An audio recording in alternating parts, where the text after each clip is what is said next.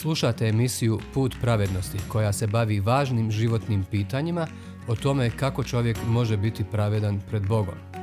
Ako imate bilo kakvih pitanja ili komentara vezano za današnju emisiju, na kraju ćete imati informacije kako nas kontaktirati.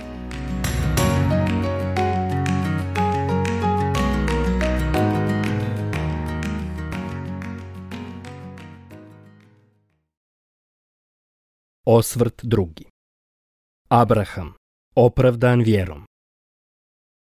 Nastavljamo naš osvrt na poruku Božijih proroka. Njihova je poruka, poruka istine, božanska istinita priča.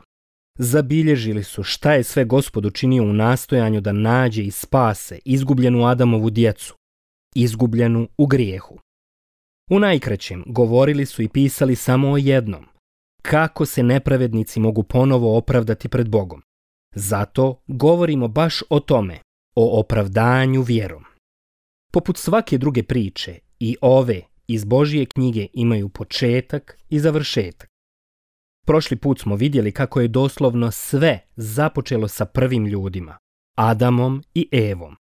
Izabrali su slijediti Sotonu, Božijeg neprijatelja. Jedan njihov grijeh je bio dovoljan da zarazi sve potomke, sav ljudski rod. Zato se svi rađamo kao grešnici, na putu vječnog odvojenja od Boga. Neki pokušavaju da ospore ovo i kažu da Adamov grijeh i nije nešto što se nas tiče. Da ne utiče na nas, ali to je svjesno okretanje glave od jasne i glasne objave. Zbog toga, kao što po jednom čovjeku uđe u svijet grijeh i po grijehu smrt, i time što svi sagriješiše, na sve ljude prijeđe smrt. Rimljanima poslanica peta glava, 12. stih. Spominjemo često poslovicu senegalskog plemena Volov, koja kaže Epidemija se nikada ne zadržava na svom uzročniku. Tako se ni prokledstvo Adamovog grijeha nije zaustavilo na njemu samom. Proširilo se na njegove potomke, na sve nas, baš kao zarazna bolest. Adamov prvi grijeh je razlog zašto se rađamo kao grešnici, kao ljudi s grešnom prirodom. Iver ne pada daleko od klade, kaže stara mudrost. Naslijedili smo prirodu od svojih rodonačelnika. I nema sumnje da nas sama ta činjenica osuđuje na vječnu propast, osim ako sam Bog nema neko rješenje. Da, postoji dobra vijest. Gospod Bog je našao lijek.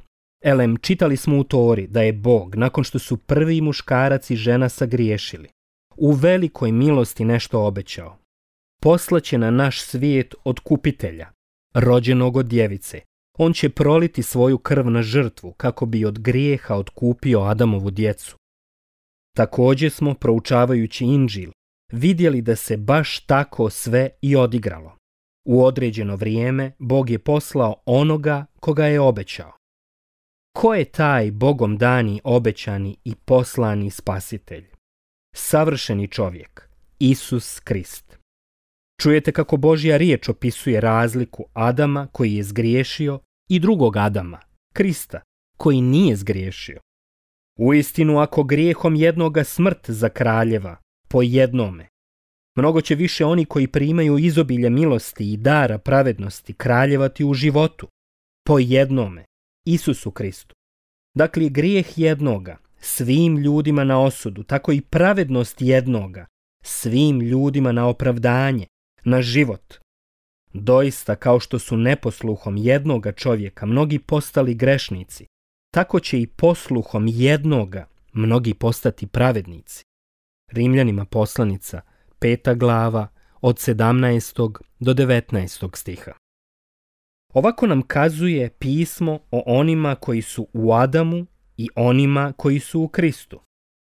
Svi se rađamo po Adamovom liku, ali Bog nam svima nudi duhovni preporod srca. Nudi nam da skinemo sa sebe starog Adama i uzmemo lik Kristov. Kako je to moguće? Samo poslušnošću vjere. Rimljanima poslanica, prva glava, peti stih. Sveto pismo svjedoči da, ako se pokajemo od pogrešnog načina razmišljanja, od zlodjela, ako povjerujemo srcem da je Gospod Isus Krist platio umjesto nas otkup od grijeha. Preporodit će nas duhovno, očistit će nam srce silom duha svetog. Dakle, moguće je da postanemo novi ljudi u Kristu, da više ne živimo sebi, već onome koji je za nas umro i uskrsnuo. Ali hajdemo se vratiti tekstu Tore, našem osvrtu na Božiji naum, plan da pošalje otkupitelja na svijet. Krenuli smo hronološki, od prve djece, prvog bračnog para, od Kaina i Abela. Abel je vjerovao Božijem obećanju o spasitelju koji će doći da prolije svoju krv i umjesto nas plati cijenu grijeha. Ali Kain za sve to nije mario. Zato ga je Bog pozvao na pokajanje. Na sve to on se samo razbjesnio i ubio brata. Svoju rođenu krv je prolio. Nakon toga smo vidjeli kako su Adamova djeca u stopu slijedila kajna. Ogrezli su u grijehu toliko da za vrijeme Noe čitamo sljedeće. Vidje Jahve kako je čovjekova pokvarenost na zemlji velika i kako je svaka pomisa u njegovoj pameti uvijek samo zloća. Postanak, šesta glava, peti stih.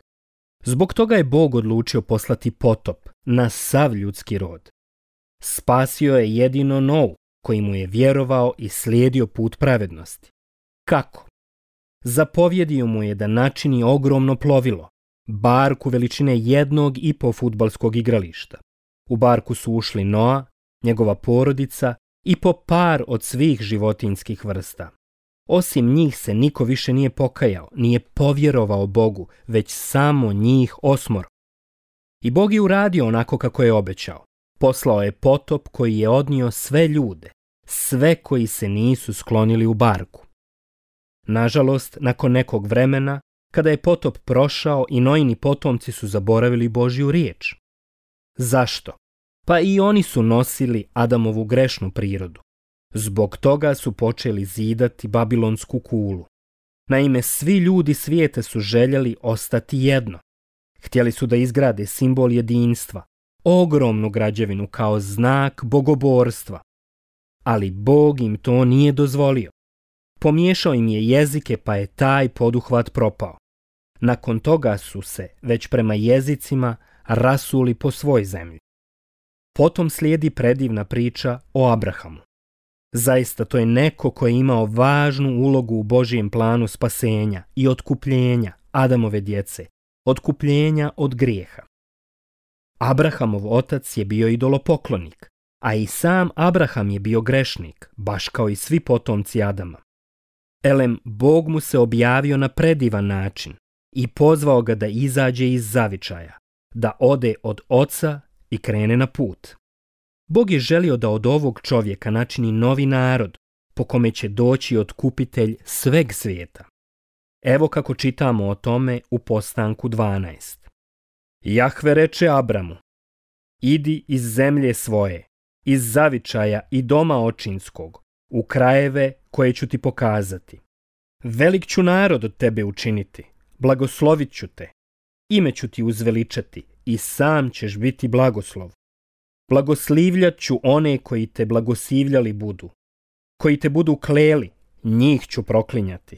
Sva plemena na zemlji tobom će se blagoslivljati. Postanak 12. glava od 1. do 3. stiha. Zašto ga je pozvao na ovu seobu? Baš zbog novog naroda kome je trebao biti rodonačelnik. Zašto?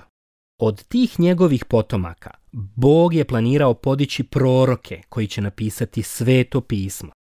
Iz njih će se pojaviti i Mesija sveg svijeta. Zato je Abrahamu obećano da će se po njemu blagosloviti svi narodi svijeta. Da li je ovo božansko obećanje ispunjeno? Jeste. Kada je Abrahamu bilo tačno 100 godina, a njegovoj ženi Sari 90, Bog im je podario sina, Izaka.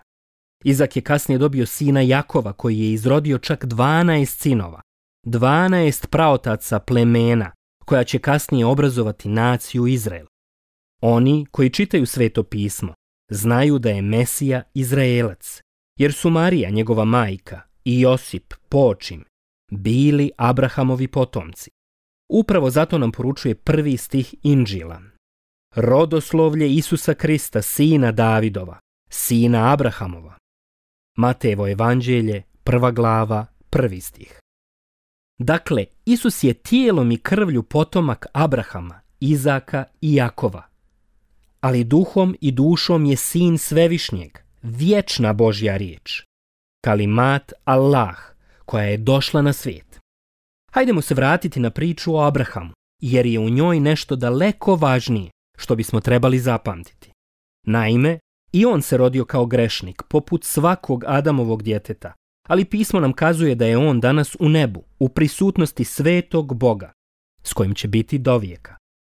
Možda pitate, Šta je to tako silno uradio da ga je stvoritelj očistio od grijeha?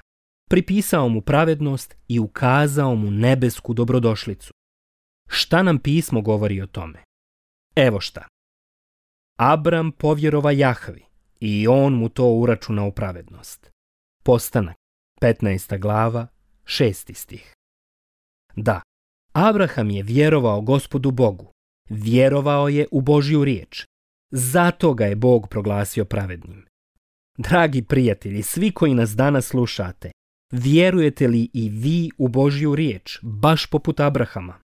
Ne pitamo vas vjerujete li da li Bog postoji ili da je Bog jedan i jedini. I đavo sve to zna.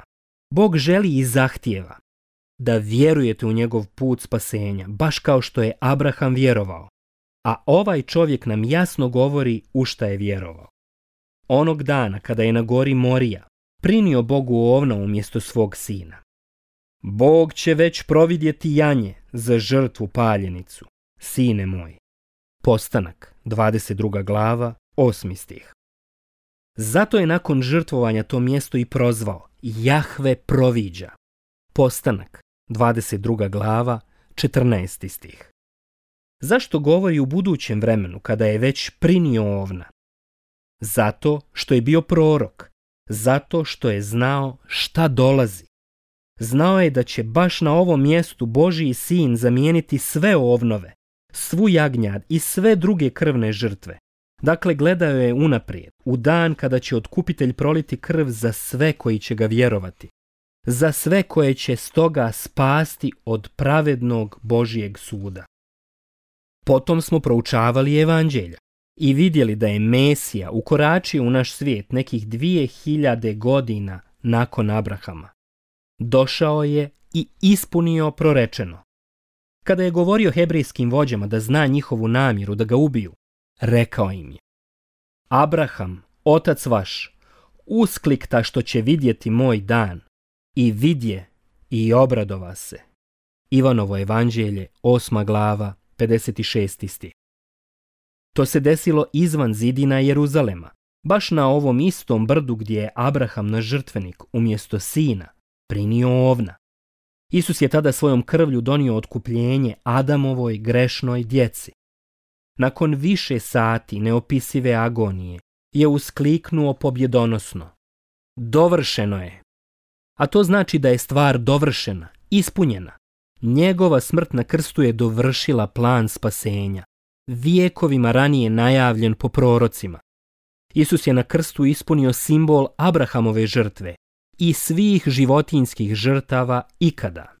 Da, dovršeno je.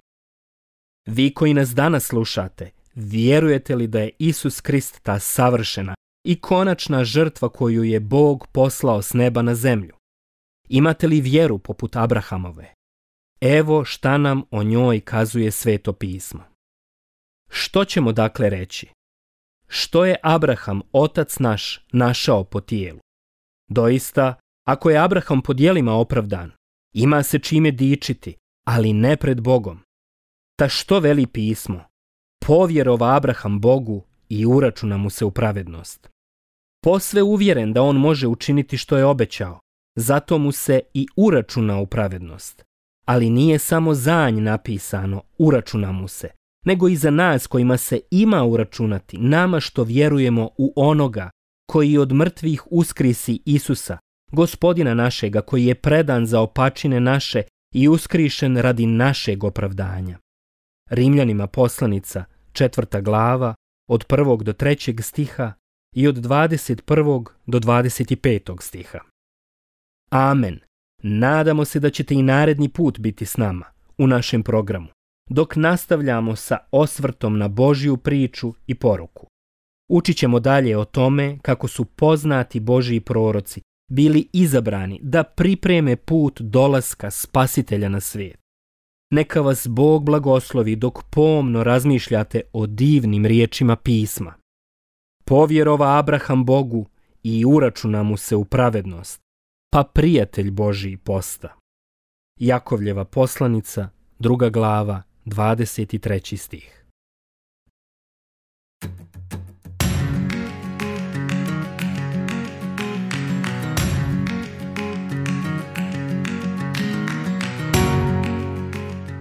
Hvala vam što ste slušali današnju emisiju.